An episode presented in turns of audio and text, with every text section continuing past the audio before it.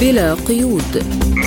برنامج واسع الطيف نطلعكم فيه على آخر المستجدات على الساحة العربية والعالمية. حصريا من إذاعة سبوتنيك. تحية طيبة لكم مستمعينا الكرام في هذه الحلقة الجديدة من بلا قيود يصحبكم فيها أنا عماد الطفيلي وأنا نغم كباس والبداية كالمعتاد بالعناوين موسكو تبدي استعدادها لمساعدة الدول الفقيرة لبنان هل يدخل في الفراغ الرئاسي والحكومي بعد انتهاء ولاية الرئيس عون؟ هل تعمل قمة الجزائر على توحيد المواقف العربية؟ لازلتم تستمعون إلى برنامج بلا قيود. نبدأ التفاصيل من الشأن الأوكراني إذ طالبت روسيا عقد جلسة في مجلس الأمن الدولي على خلفية الهجوم الأوكراني على سفن لها في سيفاستوبل التابعة لأسطول البحر الأسود والتي كانت تعمل على تأمين السفن التي تنقل الحبوب الأوكرانية في إطار ما يسمى بمبادرة البحر الأسود. ما دفع موسكو إلى تعليق صفقة الحبوب المتفق عليها. وأعلنت وزارة الدفاع الروسية أن الطائرات المسيرة التي هاجمت السفن الروسية غادرت أوديسا وتحركت على طول المنطقة الأمنية لممر صفقة الحبوب. قائلة قام نظام كييف وبمشاركة خبراء بريطانيين في عمل إرهابي ضد سفن أسطول البحر الأسود وسفن مدنية مشاركة في ضمان أمن ممر الحبوب فالجانب الروسي يعلق مشاركته في تنفيذ اتفاقيات تصدير المنتجات الزراعية من الموانئ الأوكرانية. ولمناقشة هذا الموضوع ينضم إلينا عبر الهاتف الباحث في العلاقات الدولية الدكتور محمد الديهي. أهلا وسهلا بك دكتور في بلا قيود. أهلا وسهلا بحضرتك استاذه نغم وبالاستاذ عماد وبالساده المشاهدين الكرام. أهلا بك دكتور. يعني نبدأ من هذا الهجوم بتسع مسيرات واستهداف الأسطول الروسي في البحر الأسود. ما أدى إلى آه، تعليق يعني صفقه الحبوب من قبل الجانب الروسي؟ هل هذا آه، أو هذه رسالة لروسيا بأن جميع الأراضي التي أعلنت انضمامها إلى روسيا هي تحت آه، الضرب أو الاستهداف الصاروخي والناري من قبل كييف؟ في الواقع هناك من آه، يحاول آه، اولا أن تزداد الازمه سوءا بين كييف وبين موسكو هناك يعني من ينفخ في الرماد لكي تشتعل النار من جديد أو تشتعل النيران بين الطرفين. لا شك أن بداية الأزمة منذ البداية كانت هناك أطراف تحاول أن تحرض كييف على آه، يعني أفعال تضر بالاستقرار في روسيا أو الأمن في روسيا لذلك تدخلت روسيا من هذا المنطلق إضافة إلى ذلك أيضا التعدي على حقوق شعوب طالبت بالاستقلال أو آه، يعني الخروج من تحت سيطرة آه، أوكرانيا. الأهم من هذا هذه الرسائل أو ما تسعى كييف ارساله وخاصة الرئيس الأوكراني إلى آه، موسكو بأنه آه، يعني سيقاوم أو سيستمر في المقاومة آه، خلال الأيام المقبلة برغم الخسائر التي تتحقق على أرض الواقع لصالح الأوكرانيين أو الخسائر التي تتحقق في أوكرانيا برغم استمرار في فكرة يعني إقحام الشعب الأوكراني في حرب دامية حتى هذه اللحظة ربما آه، يعني من سيدفع الفاتورة هو المواطن الأوكراني الذي ربما لم يكن له ناقه أو جمل آه، في هذه الصراعات التي دفع بها الرئيس بعد آه، الرئيس الأوكراني بعد يعني محاولات استفزاز الجانب الروسي. أيضا في هذه النقطة تحديدا يجب ألا نغفل دور الفاعلين الدوليين الذين يدعمون اوكرانيا في هذه الأزمة وتتسبب في أزمة بصورة أوسع أو آه، تفاقم آه، آه، العملية العسكرية الروسية في الداخل الأوكراني بصورة أشمل خاصة أن عفوا دكتور محمد يعني في هذا السياق ما هي دلالة مشاركة الخبراء البريطانيين في هذا الهجوم الإرهابي على السفن الروسية في سيفاستوبل يعني كما أعلنت ذلك وزارة الدفاع الروسية بشكل رسمي. فكرة مشاركة هؤلاء الخبراء هو دليل على عدم قدرة القوات الأوكرانية على مواجهة آه، القدرات الروسية وأن أوكرانيا أو ما يدعيه الرئيس الأوكراني بأن من يحاربهم أوكران فقط وأن الأوكرانيين سيستمرون في هذا الدفاع أن الرئيس الأوكراني الآن بات بدون قوة تحمي الدولة الأوكرانية لأن الأمر أصبح أكبر بكثير. هناك دول كما أشرت في بداية الحديث تسعى إلى استمرار الأزمة وتحاول أن يعني يتم استنزاف روسيا من خلال هذه الأزمة أو من خلال هذه العملية العسكرية، لذلك دائما ما تغير روسيا استراتيجيتها في عملياتها في الداخل الاوكراني بهدف أيضا تأمين أو حماية أمنها القومي في نفس الوقت هي تسعى إلى ضمان عدم تهديد أمنها القومي وعدم آه، استنزافها عسكريا أو اقتصاديا. هناك دول تحاول ألا يتم آه، أو ألا تتحرك روسيا بالقوى أو أن تكون روسيا قوى كبرى لها زعامتها في العالم خاصة أن النظام الدولي بات يتغير الآن بصورة سريعة ومتسارعة بات هناك تغيرات كبيرة تجعلنا نخرج من نطاق القطبية الأحادية إلى نطاق عالم متعدد الأقطاب أو ثلاثي أو آه، أكثر من ذلك القطبية خاصة أن هناك أطراف كبيرة باتت تواجه الولايات المتحدة والولايات المتحدة لا ترغب في هذا الأمر بصورة واضحة وتحاول أن آه، يستمر أو تستمر الأزمة آه، في طيب دكتور يعني استمرار الأزمة ودخول خبراء بريطانيين على خطها عمل إرهابي من آه، آه، مساعدة من خبراء بريطانيين وأيضا السيل الشمالي وتفجيره أيضا ربما لبريطانيا لديها يد فيه. لذلك روسيا اليوم طلبت آه، جلسة طارئة لمجلس الأمن لبحث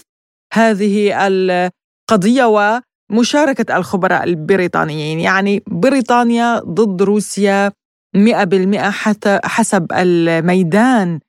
كيف ستتصرف روسيا برأيك؟ ما هي الأوراق اليوم لديها بعد تورط البريطانيين؟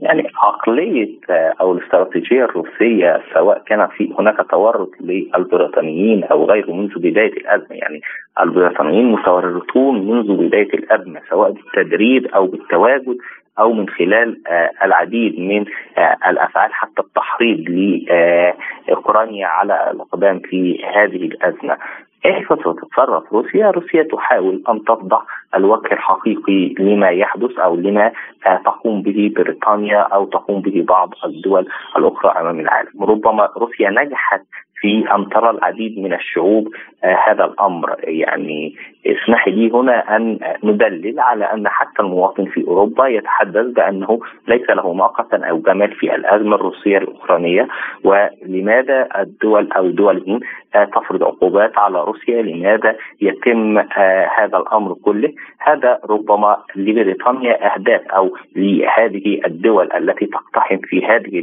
آه، العملية. هي لها أهداف منها أن تخلق عداء بلا داعي بين الدول الأوروبية وبين آه، روسيا خاصة أن الدول الأوروبية كانت في مرحلة من المراحل تميل أكثر لبناء علاقات أكثر قوة مع روسيا. أيضا آه، تحاول آه، تفكك روابط التقارب بين هذا بين يعني الدول الأوروبية وروسيا خاصة أن روسيا أيضا هي دولة أوروبية بالأساس يعني يجب الا نتغافل أو ننسى هذا الأمر. نعم هي جزء أوروبي جزء آسيوي بالفعل.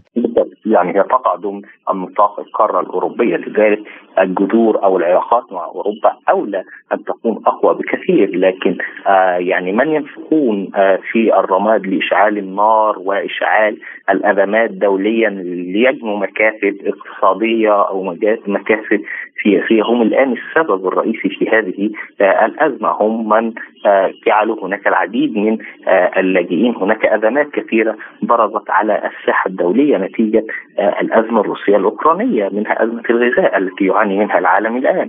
هناك أيضا ازمه اقتصاديه طاحنة ربما أيضا الولايات المتحدة لعبت دور في هذا الأمر حينما بدا الفيدرالي الأمريكي برفع الفائدة على الدولار مرة تلو الأخرى، هناك أزمات عديدة يعني تحاول الولايات المتحدة أن تخفي نفسها بأنها ليس طرف فيها ولكن هي لها يد أيضا في هذه الأزمات وتحاول أن تعول أو تلقي باللوم دائما على الأزمة الروسية الأوكرانية في أنها هي السبب في ارتفاع أسعار الطاقة بانها هي السبب في آه، ارتفاع سعر الدولار عالميا أو الأزمة التي تحدث على آه، مستوى العالم. نعم دكتور محمد آه، في هذا السياق يعني بالنسبة للأمن الغذائي ما هي الرسالة التي أرادت روسيا إرسالها من خلال استعدادها لتقديم 500 ألف طن آه، من القمح للدول الفقيرة؟ الرسالة التي ترغب روسيا في أن تكون متواجدة من خلال هذا الأمر بأنها لن تكن هي السبب في انقطاع امدادات الغذاء إلى العالم لم تكن روسيا طرفا في أن يتم فرض عقوبات فترتفع الأسعار حول العالم سواء كنا نتحدث عن اسعار القمح أو الذرة أو غيره من السلع الغذائية. لم تكن روسيا طرفا في العديد من الأزمات التي تواجه العالم خاصة إن كنا نتحدث عن أزمات متعلقة بالأمن الغذائي. روسيا منذ بداية الأزمة يعني كانت هناك تصريحات واضحة بانها ستقدم الدعم الكافي من الغذاء أو آه، أنها ستحافظ على إصدارات أو سلاسل توريد الغذاء إلى العديد من الدول سواء كانت من أوكرانيا أو من الداخل الروسي ولكن ما يحدث الآن هي محاولة كما أشرنا في بداية الحديث إلى اختلاق أزمات من قبل أطراف دولية لتوريط روسيا وتشويه صورة روسيا الدولية. ولكن هذه الرسالة بأن روسيا ستكون دائما يعني من قبل الرئيس بوتين أو من الدولة الروسية بأن روسيا ستكون دائما داعمة للشعوب داعمة لحقوق هذه آه، الشعوب أو في آه، أمن تحقيق الأمن الغذائي لشعوب أو للدول الفقيرة والدول الأكثر احتياجا لعدم حدوث مجاعات أو غيره. وفي اعتقادي أن روسيا لديها المقدرة على توريد أكثر من ذلك إذا كانت هناك حاجة في المجتمع الدولي أو في بعض الدول للغذاء، لذلك يا روسيا الآن أيضا تحاول أن ترسل رساله بأنها متواجدة في دعم الدول الفقيرة بأنها أيضا هي قوة. يمكنها أن توازن ما قد يعجز عنه بعض القوى الكبرى في تحقيقها أو غيره. نعم شكرا جزيلا لك الباحث في العلاقات الدولية الدكتور محمد الديهي كنت معنا عبر الهاتف من القاهرة شكرا لك على هذه المداخلة. شكرا جزيلا دكتور محمد. شكرا لحضرتك لازلتم تستمعون إلى برنامج بلا قيود.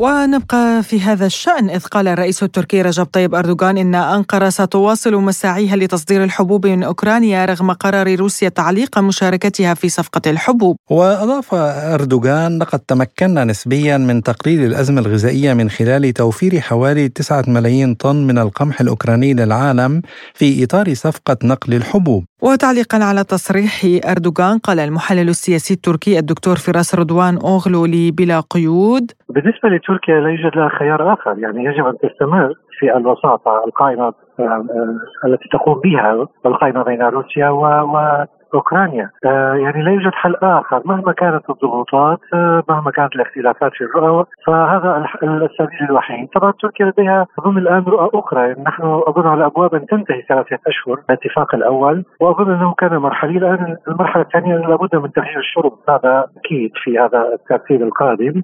أيضا صرحت تركيا مسبقا عبر رئيس أردوغان أنه قال لابد من الآن من تصدير الحبوب الروسية. وهذا كان اتفاقا سابقا أظن في هذه الأمور؟ يعني هل سيبدأ الأمر يعني نفرض الأمر يبدأ بالمعاكسة يعني يبدأ تصدير هذه الحبوب الروسية اولا ثم الأوكرانية أو ما شابه ذلك؟ لأن في دول أخرى ليست لديها مشاكل مع روسيا وتستطيع أن تستورد بخلاف الدول الأوروبية. هل تستطيع تركيا حماية السفن الروسية والضمان أن تكون تركيا؟ أنا أظن هذا الموضوع صعب. ممكن تضغط تركيا على أوكرانيا لكن لا ننسى أن الطرف الثالث أو الرابع اذا صح التعبير الغرب سواء الولايات المتحده الامريكيه أو بريطانيا أو فرنسا أو الاتحاد الأوروبي لهم أصبح نفوذ قوي في أوكرانيا بسبب الدعم العسكري وأصبح لهم خطط وسياسه أخرى وهذا انتقدته تركيا بشكل كبير. أنا أعتقد هذا الموضوع. تحاول تركيا طبعا قدر الإمكان لكن أنا أعتقد أنها قادرة على أن تضمن على الأقل عدم اعتداءات أو هجوم آخر على السفن الروسية بشكل أو بآخر. وأيضا أظن الرسالة واضحة من الغرب بأن كل الأقاليم التي ضمتها روسيا إنها تحت القصف فهذا لا أعلم كيف سيتم يعني معيار المكان يعني في البحر الأسود كيفية آه، فصل الممرات الآمنة وضرب المناطق التي ضمتها روسيا من أوكرانيا. أنا أظن الضمانات موجودة كلها باستثناء الموضوع العسكري هذا أظن يحتاج إلى بحث معمق وأظن أن روسيا تدرك ذلك يعني إذا قررت أوكرانيا أن تطلق من أراضيها طائرات مسيرة باتجاه روسيا ماذا ستفعل تركيا؟ هذا الضغط سيستمر اظن يعني أو لنجد توافق نقطه مشتركه بين الجميع، أيضا نقطة ثانية مهمة. حتى روسيا أظن لن تستطيع آه، الابتعاد عن الأمور الإنسانية، بمعنى أن روسيا، الولايات المتحدة الأمريكية، فرنسا، بريطانيا، الدول العظمى هذه وفق الآن القانون الدولي أو حتى المجتمع الدولي القائم الآن هم المسؤولون عن أي مجاعة في العالم أو هم المسؤولون عن أي حرب نووية في العالم، ذلك الأمر الإنساني متعلق بهذه الدول الكبيرة التي النظام العالمي الآن القائم على هذا الأساس، اذا لابد من تحمل المسؤوليات عند الجميع وهذا أظن سترضخ له الدول يعني عاجلا أم اجلا لاحظنا أن روسيا وافقت وبشروط إنسانية بالنسبة لتصدير القمح والحبوب وما شابه ذلك. الآن لابد من روسيا تصدر الحبوب. أنا أظن أن يتم الترتيب في هذا السياق. وإبعاد مسألة الحبوب من النزاعات السياسية والعسكرية بين الطرفين وتحديدا الغرب. يعني لابد من إيجاد صيغة أخرى بين الفرقاء ويعني أظن سيتم ممكن الجلوس بشكل ممكن الجلوس وباحتمال كبير جدا. في النهاية أصدقاء روسيا كثر سواء في الدول الأفريقية دول أمريكا اللاتينية في آسيا نفسها. فاذا لابد أن يستمر مسألة تصدير الحبوب لكثير من العالم يعني أوكرانيا وروسيا أظن يمثلون يعني نسبة الصادرات ثلث الصادرات العالمية أظن في مسألة القمح والحبوب. كان هذا ما قاله المحلل السياسي التركي الدكتور فراس رضوان أوغلو. ولكن الغرب مع زيلينسكي يتهم روسيا بتجويع العالم علما أن من حقها ضمان أمن شحناتها، لماذا يصورون أوكرانيا وكأنها تنقذ العالم من المجاعة مع أنها لا تمد العالم بأكثر من ثماني فقط بالمئة من الحبوب بينما روسيا هي المصدر الأول للعالم للحبوب وهذا تزوير للحقائق. وللإجابة عن هذه الأسئلة ينضم إلينا عبر الهاتف من دمشق الخبير الاقتصادي الدكتور شادي أحمد. أهلا بك دكتور في بلا قيود. أهلا وسهلا بكم. يعني تزوير للحقائق من قبل الغرب اتهام روسيا بتجويع العالم. ما روسيا هي المصدر الأول للقمح وللحبوب في العالم ولمساعدة الدول الفقيرة والمحتاجة في إفريقيا وآسيا. كيف الآن يصور الغرب أن روسيا هي من تجوع العالم وأنها بمنعها أو تعليق صفقة الحبوب؟ تمنع الحبوب الأوكرانية من الاتجاه نحو العالم، الحبوب الأوكرانية لتشكل نسبة ضئيلة أقل من 8% من الصادرات للعالم؟ يعني التركيز هنا على روسيا. يعني أرجو من حضرتك الشرح للمستمع آه، الكريم ما يحدث من تزوير للحقائق في هذه المسألة.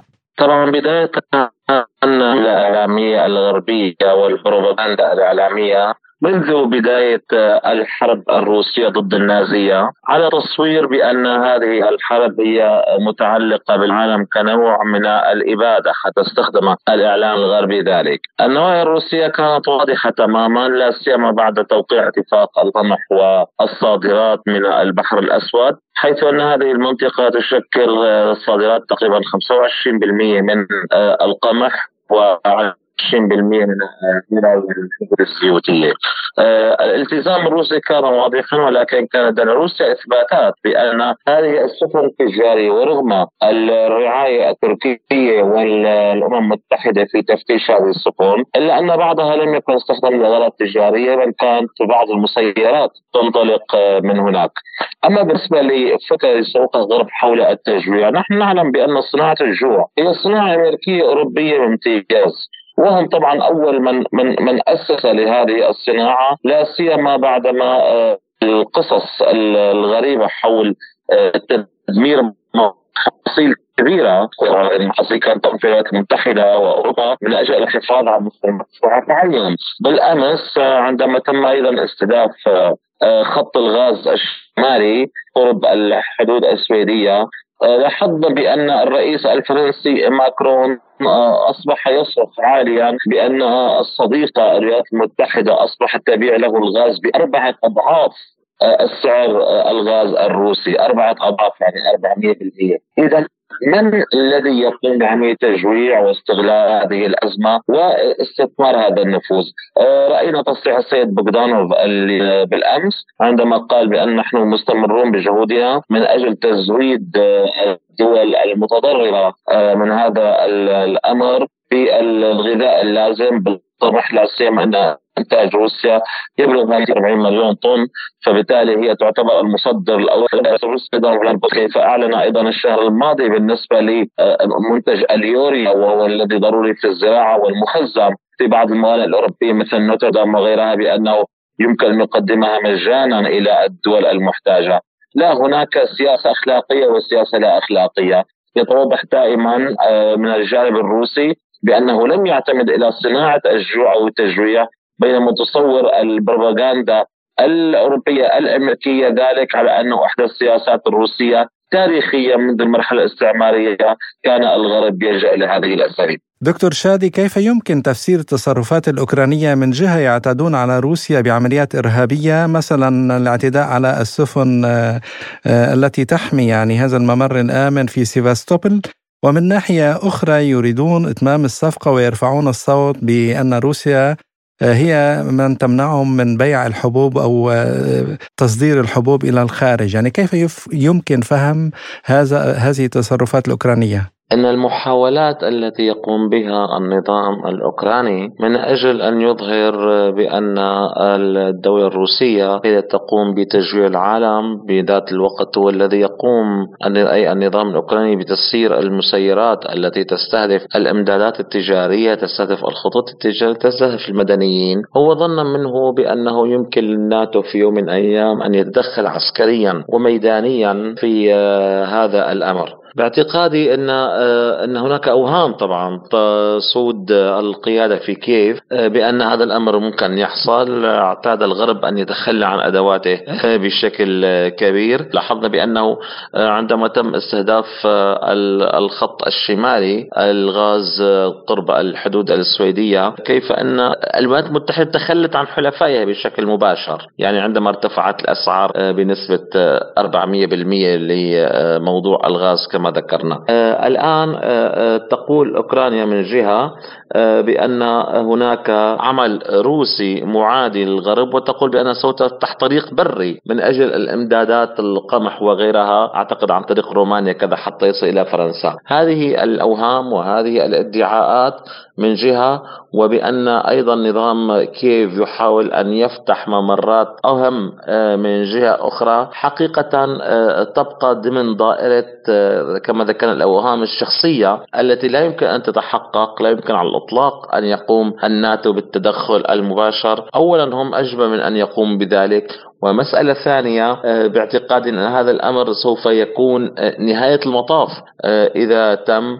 من هنا يحاول نظام كيف أن يقوم بعملية دفع الغرب الذي وعده بكل شيء ولم يعطيه أي شيء في أجل مواجهة مباشرة مع موسكو. طيب دكتور يعني اليوم ارتفعت أسعار القمح منذ الصباح 5% برأيك كيف سيؤثر تعليق موسكو صفقة الحبوب على أسعار القمح بشكل عام؟ آه، طبعا هذا الأمر سوف يؤثر على أسعار القمح. جلسات الصباح نعم ارتفعت ب 5% طبعا بدايتها ارتفعت إلى 7% الآن 5% تقريبا أو 5 كذا.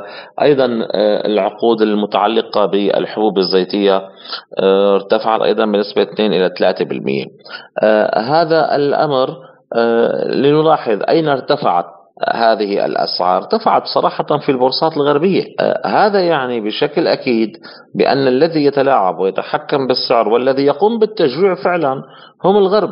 يعني لماذا مثلا آه، لديهم افترضنا احتياطيات؟ لماذا لم يعالجوا هذه المشكلة بضبط آه، البورصات العالمية التي يتحكمون فيها في الأسعار الدولية؟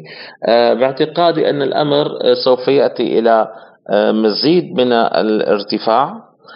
لا سيما بأن استهلاك الشتاء يعتبر استهلاك مرتفع قياسا استهلاك الصيف. البدائل حتى الآن آه، ليست متوفرة أو موجودة. إذا آه، بالأصل اتفاق خطوط الصادرات الموجودة في البحر الأسود كان سوف ينتهي في 16 نوفمبر ويقال بأن القيادة الروسية لم تكن متحمسة لتجديد الاتفاق لأن هناك خروقات كبيرة من الطرف الأوكراني. الآن انسحاب روسيا جاء قبل أسبوعين فقط وهذا يعني بأن التوقعات آه، الآجلة بارتفاع أسعار القمح سوف تبقى مستمرة. الخبير الاقتصادي الدكتور شادي أحمد كنت معنا عبر الهاتف من دمشق. شكرا جزيلا لك على هذه المداخلة. لازلتم تستمعون إلى برنامج بلا قيود. يدخل لبنان عهد الفراغ الرئاسي الثالث معطوفا على فراغ حكومي للمرة الأولى منذ إقرار اتفاق الطائف نهاية تسعينيات القرن الماضي. بعد مغادرة الرئيس عون القصر الرئاسي وسط حشود من مؤيديه وتوقيعه قبول استقالة الحكومة يبدو أن المعارك بدأت تشتعل سياسيا ودستوريا. رئيس الحكومة اللبنانية نجيب ميقاتي أعلن أن حكومته ستتابع القيام بتصريف الأعمال وأن مرسوم الرئيس عون بقبول استقالته غير دستوري. وللاطلاع أكثر على ما يحدث في لبنان إليكم ما يقوله مراسل سبوتنيك هناك عبد القادر الباي. غادر رئيس الجمهورية ميشيل عون قصر بعبدة قبل يوم واحد من انتهاء ولايته التي استمرت ست سنوات. وسط مراسم رسمية وحضور شعبي لأنصاره الذين توافدوا إلى القصر الجمهوري منذ ساعات الصباح الأولى لوداعه مبسوطة مبسوطة لأنه آه عمل اللي ما بينعمل اللي ما حدا قدر قدر عمله بأيامه.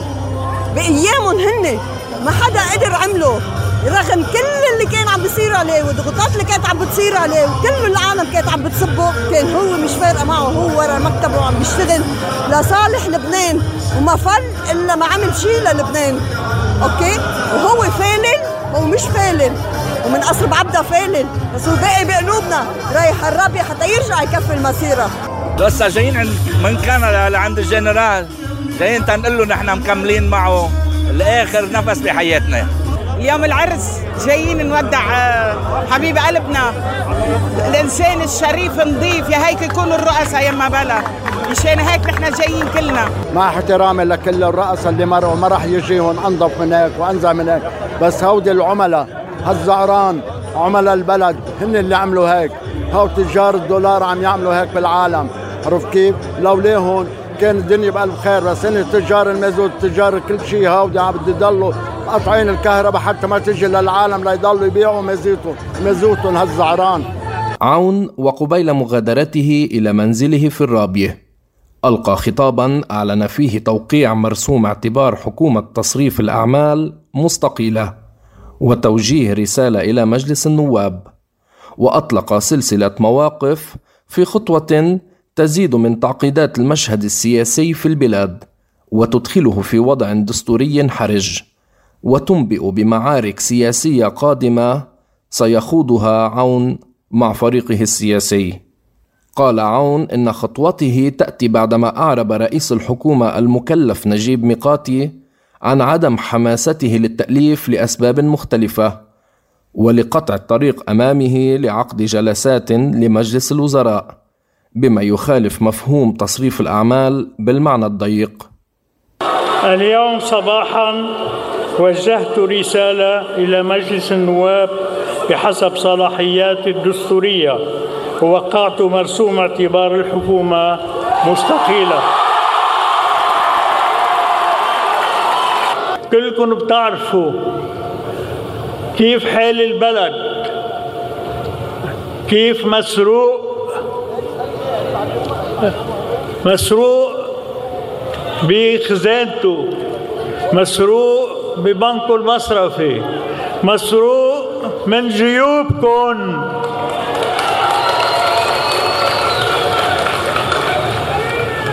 شو بدنا نقول؟ أسكان كل الجرائم المالية مرتكبة. حاكم المصرف المركزي. ما قدرنا وصلناه لل ما قدرنا وصلناه للمحكمة. مين حميه مين شريكه؟ كله من المنظومة الحاكمة من من 32 سنة. وصلونا لهالحالة هيدي. وفي أول رد على عون قال ميقاتي في كتاب وجهه إلى رئيس مجلس النواب نبيه بري إن المرسوم الذي قبل استقالة الحكومة المستقيلة أصلا بمقتضى أحكام الدستور يفتقر إلى أي قيمة دستورية. وأعلن أن الحكومة ستتابع القيام بواجباتها الدستورية كافة ومن بينها تصريف الأعمال وفق نصوص الدستور والأنظمة التي ترعى عملها وكيفية اتخاذ قراراتها والمنصوص عنها في الدستور ما لم يكن لمجلس النواب رأي مخالف. وفي ظل حرب الأخذ والرد بين رسائل عون وميقاته المؤكد أن سدة الرئاسة أصبحت شاغرة. وهذا الشغور استمر لسنتين وأربعة أشهر قبيل انتخاب عون رئيسا للجمهورية. فهل سيتكرر المشهد ويطول الفراغ بعد مغادرته؟ استمعنا إلى مراسل سبوتنيك في لبنان عبد القادر الباي. لكن السؤال المطروح حاليا في لبنان. هل الحكومة الحالية التي قبل استقالتها الرئيس ميشيل عون أصبحت فاقدة للميثاقية والشرعية وهل يمكن أن تقوم وتتصرف بصلاحيات رئيس الجمهورية؟ بهذا الخصوص يقول الخبير القانوني والدستوري الدكتور عادل يمين لبلا قيود. في الواقع مارس رئيس الجمهورية العماد ميشيل عون صلاحيته الدستورية المنصوص عليها في الفقرة الخامسة من المادة 53 من الدستور التي تنيط برئيس الجمهورية أن يصدر مرسوم قبول استقالة الحكومة أو اعتبارها مستقيلة. وفي الحالة الحاضرة أي بما يتعلق بحكومة الرئيس نجيب ميقاتي فهي أصبحت مستقيلة أو معتبرة مستقيلة ابتداء من 22 أيار 2022 تاريخ بدء ولاية مجلس النواب تطبيقا لأحكام الفقرة هي من البند واحد من المادة 69 من الدستور التي تجعل بدء ولايه البرلمان إحدى الحالات التي تعتبر فيها الحكومة مستقيلة. وهذا الأمر يقود إلى القول إن مرسوم رئيس الجمهورية باعتبار الحكومة مستقيلة هو تكريس للواقع وتأكيد للمؤكد وإعلان للواقع الدستوري وليس انشاء ولا تاسيسا لهذا الواقع وهو لم يقبل استقالة الحكومة أو لم يقل الحكومة إنما كل ما فعله أنه أصدر مرسوما باعتبارها مستقيلة بنتيجة تحقق إحدى الحالات المحددة بالماده 69 من الدستور لاعتبارها مستقيلة، أما موقف رئيس الحكومة فليس في محله لأنه ليس له أن يرفض مرسوما صدر عن رئيس الجمهورية طبقا لصلاحياته الدستورية وليس مرجعا صالحا آه، لتفحص وتقييم هذا المرسوم اطلاقا ولكن في الوقت ذاته هو أكد على فحوى وغاية هذا المرسوم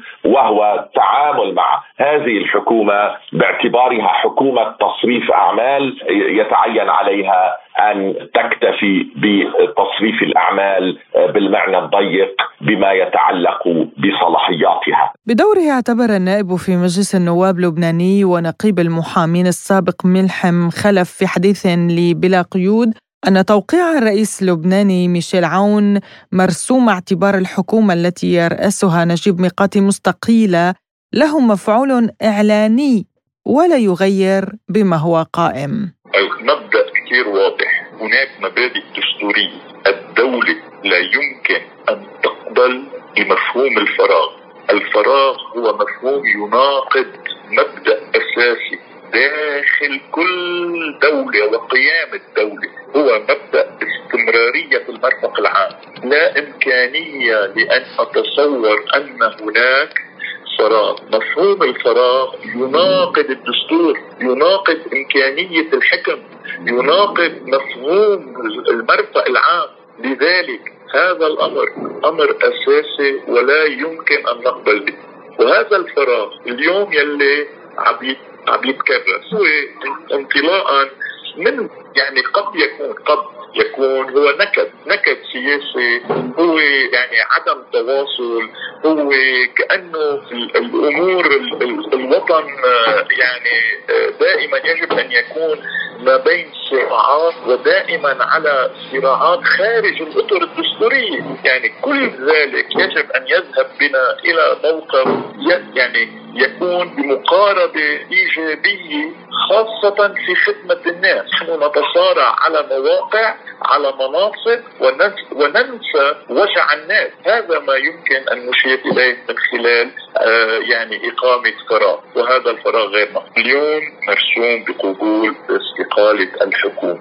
هذا المرسوم يلي آه الحقيقة بصلاحيات آه رئيس البلاد وفقا لاحكام الماده 53 الفقرة يلي بتقول هيدا الشيء بعتقد الفقرة الخامسة هذا له مفعول إعلاني وليس له مفعول إنشائي يعني المادة 69 من الدستور تعتبر الحكومة مستقيلة إمتى؟ عند بدء ولاية مجلس النواب. وبالتالي المادة 69 أكدت أن الحكومة مستقيلة هذا الأمر جرى فور بدء ولاية مجلس النواب اللي له خمس أشهر وبالتالي فهي مستقيلة أما اليوم توقيع هذا المرسوم فهو له مفعول إعلاني. فلا يغير بما هو قائم وواقع. منذ بدء ولاية مجلس النيابة. هذا هو الأمر.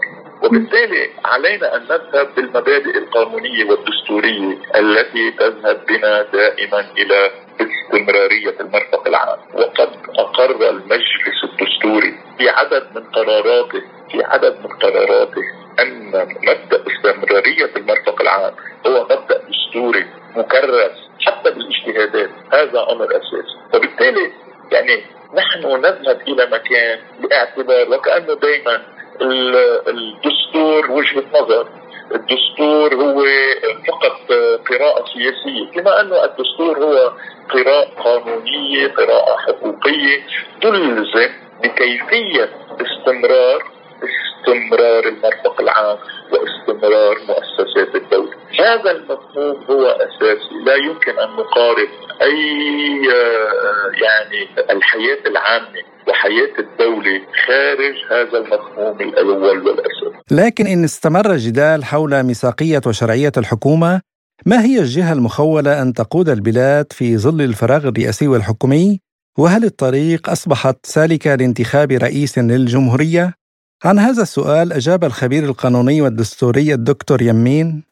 فيما يتعلق بصلاحيات رئيس الجمهورية في حال وقع الشغور في سدة الرئاسة لا تستطيع حكومة تصريف الأعمال توليها بالوكالة عن رئيس الجمهورية إطلاقا لأن رئيس الجمهورية تتولى صلاحياته وكالة في حال وقوع الشغور في سدة الرئاسة. مجلس الوزراء وليس الحكومة. ومجلس الوزراء لا يجتمع مبدئيا في ظل حكومة مستقيلة. وإذا اجتمع يكون اجتماعه استثنائيا يختص بالدعوة إليه رئيس الجمهورية بالاتفاق مع رئيس الحكومة.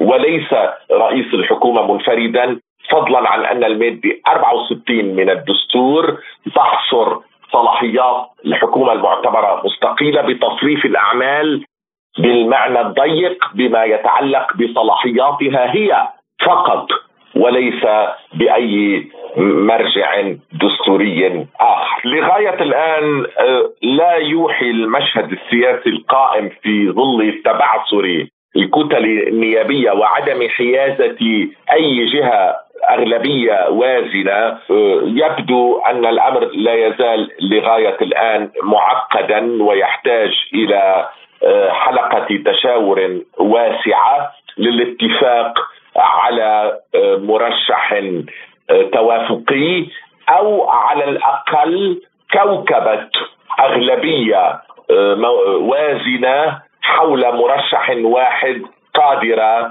على إيصاله إلى سدة الرئاسة. كان هذا ما قاله الخبير القانوني والدستوري الدكتور عادل يمين. أما النائب ملحم خلف يقول إن هناك مبادئ دستورية والدولة لا يمكن أن تقبل بمفهوم الفراغ وتابع قائلا.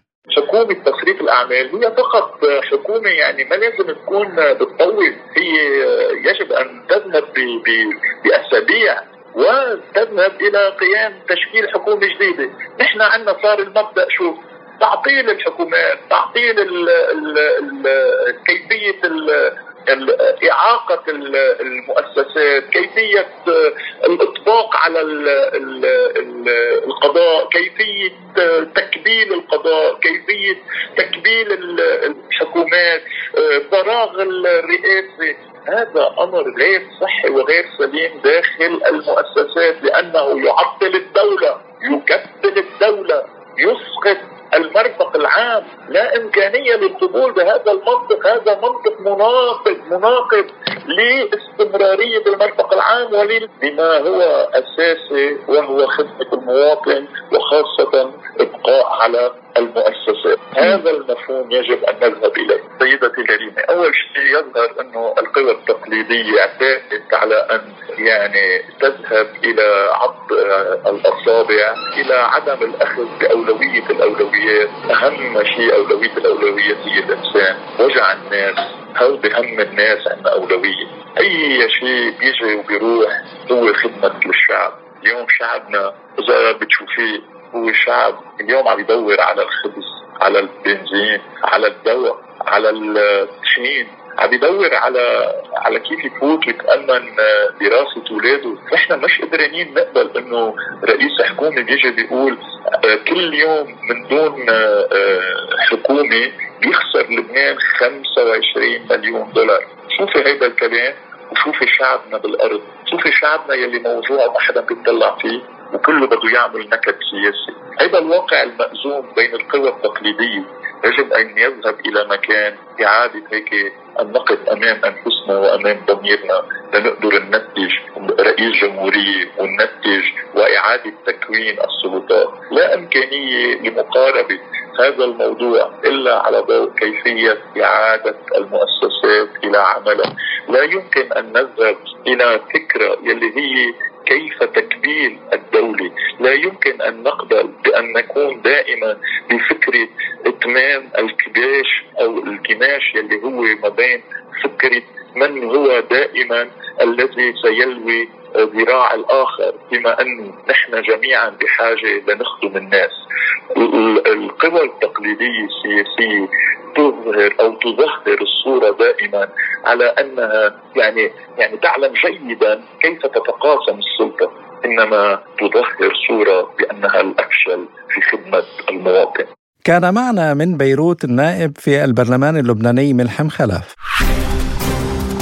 لازلتم تستمعون إلى برنامج بلا قيود. وفي الجزائر قال وزير الخارجية رمطان العمامرة إنه بعد نتائج المشاورات الثرية والمعمقة توصل وزراء الخارجية العرب إلى نتائج توافقية معتبرا أنها قد تسهل عمل القادة عندما تعرض عليهم. وللإطلاع أكثر على أجواء وأعمال التحضير للقمة العربية يقول موفد سبوتنيك إلى الجزائر محمد حميدة يعني بالأمس بالفعل بعد مشاورات واجتماعات استمرت على مدار يومين لمجلس وزراء الخارجية العرب.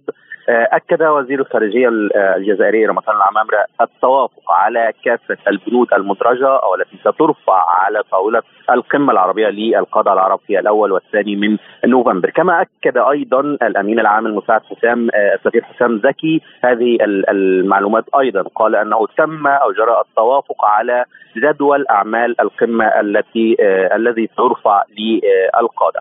في اليوم الأول آه بالفعل كانت هناك بعض التباينات في العديد من الملفات وكانت هناك بعض الاختلافات حول صياغة مشروعات القرارات حول العديد من القضايا جرت مشاورات ثنائية ربما في ختام اليوم بعد انتهاء اليوم الأول وفي صباح اليوم الثاني بالأمس قبل بدء الاجتماع بشكل رسمي. كانت هناك اجتماعات ثنائية حول المشروعات القرارات المختلف عليها والصياغة وتم التوصل إلى اعتماد بعض المشروعات أو القرارات السابقة بالصيغ السابقة بعد الاختلاف على مسألة صياغات جديدة أضيفت لهذه المشروعات. ولكن اليوم هناك توافق بالفعل على ما سيرفع للقادة العرب في الأول والثاني من نوفمبر.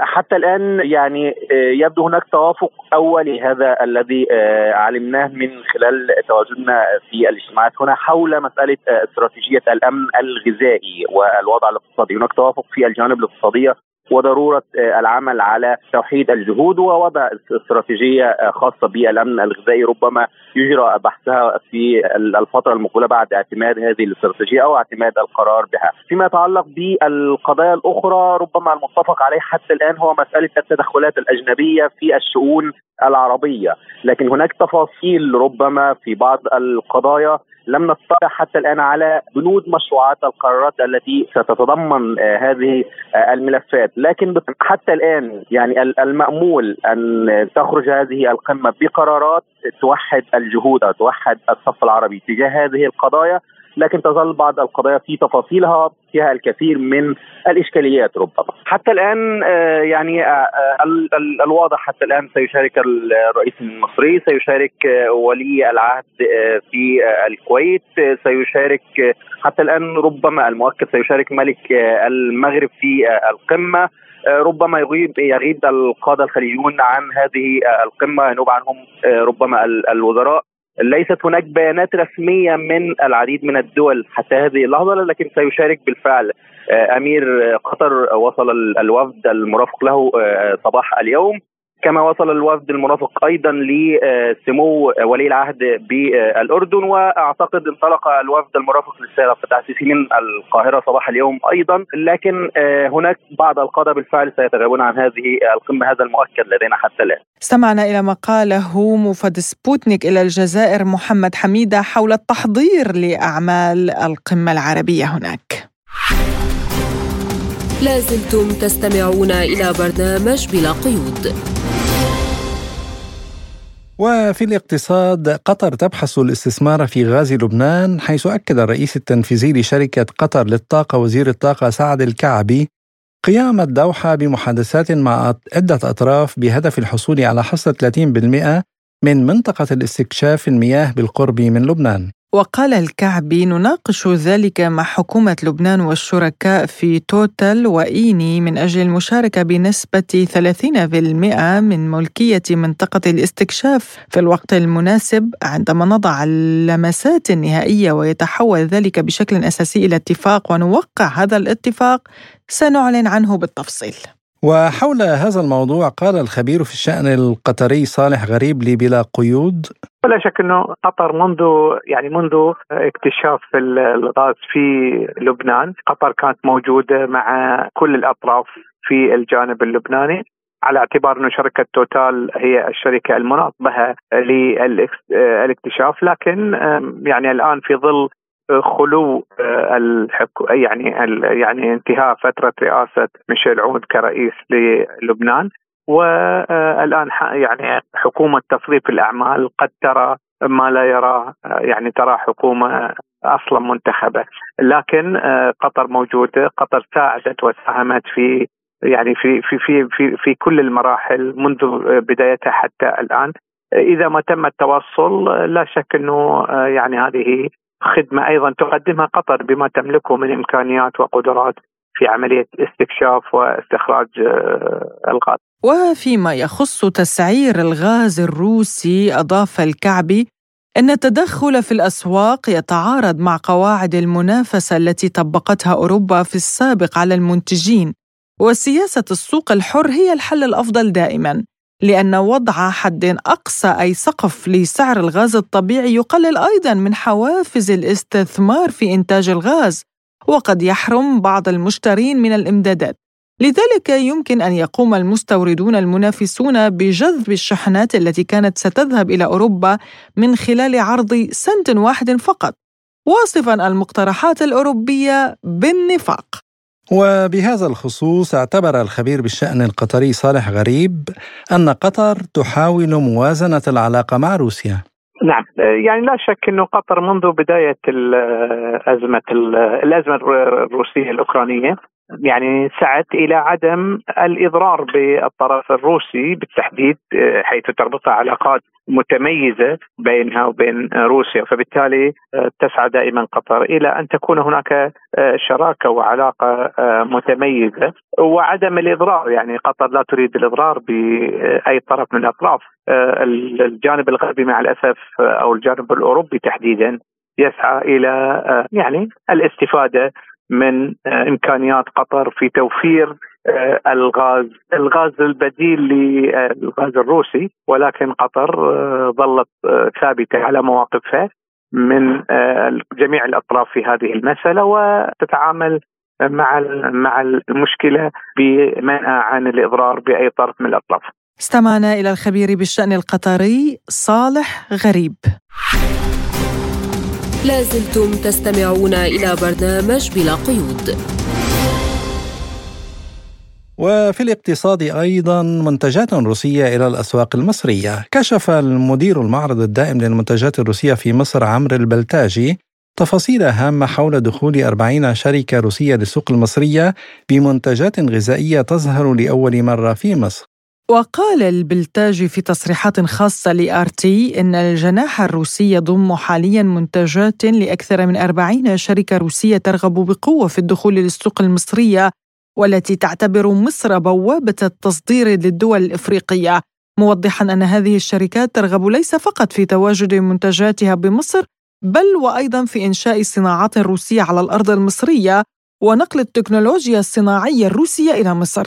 ليس فقط في مجال المواد الغذائية ولكن أيضا في مجالات أخرى عدة. وللحديث عن أهمية هذه الخطوة الروسية ينضم إلينا عبر الهاتف من القاهرة أستاذ الاقتصاد الزراعي في مركز بحوث الصحراء بالقاهرة الدكتور شريف فياض أهلا بك دكتور شريف نبدأ من هذه الخطوة أي دخول 40 شركة غذاء روسية إلى السوق المصرية ما أهميتها في هذا الوقت الراهن؟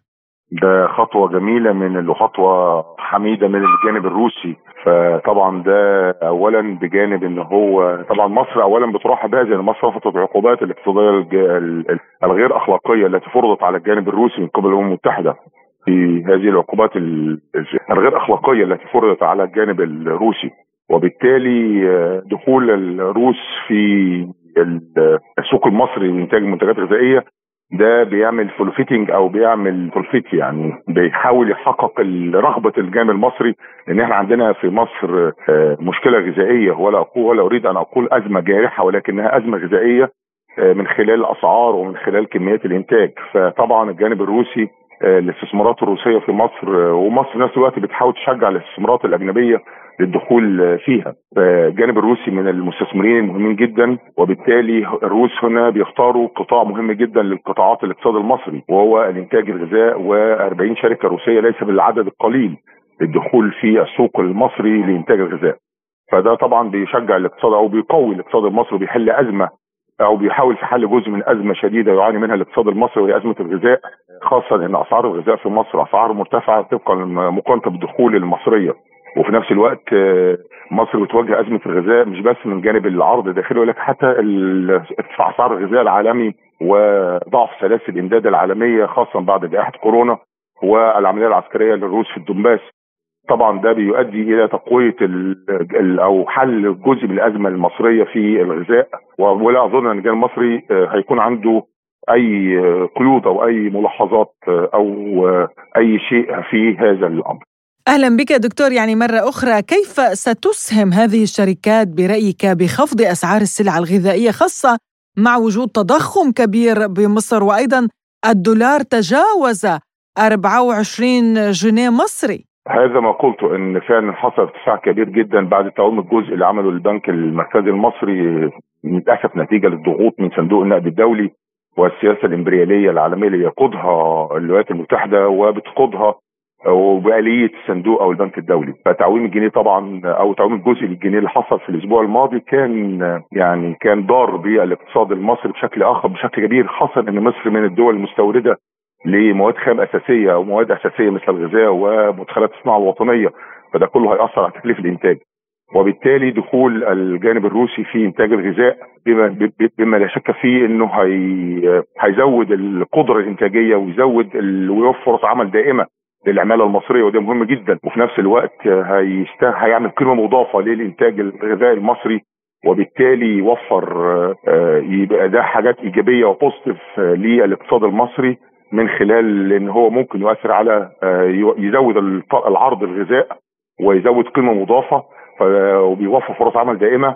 فده كله بيبقى حافز إيجابي جدا للاقتصاد المصري في هذا الأمر بشكل كبير جدا وإن خاصة إن هذا الإنتاج الغذائي ده إنتاج سلعي وليس انتخ... وليس ده أنشطة اقتصادية سلعية وليس أنشطة اقتصادية ريعية أو خدمية فبالتالي نشاط الإنتاج السلعي هو الذي يقاوم التضخم ويجعلك اقتصاد قوي وليس اقتصاد هش حتى معدلات التضخم التي التي يمكن تتحقق ومعدلات النمو التي يمكن تتحقق هتكون نتيجة لإنتاج حقيقي عيني سلعي مش إنتاج ريعي أو إنتاج خدمي فبالتالي هيقوي الموقف المصري ويقوي الاقتصاد المصري ويحاول يقلل أسعار الغذاء عالميا في داخل الدولة المصرية خاصة بعد القرارات الأخيرة اللي خدها البنك المركزي في تعويم جزئي للجنيه نظرا للضغوط من صندوق النقد الذي هو اداه إمبريالية من أدوات الاقتصاد من ادوات الرأسمالية العالمية وعلى راسها الولايات المتحدة.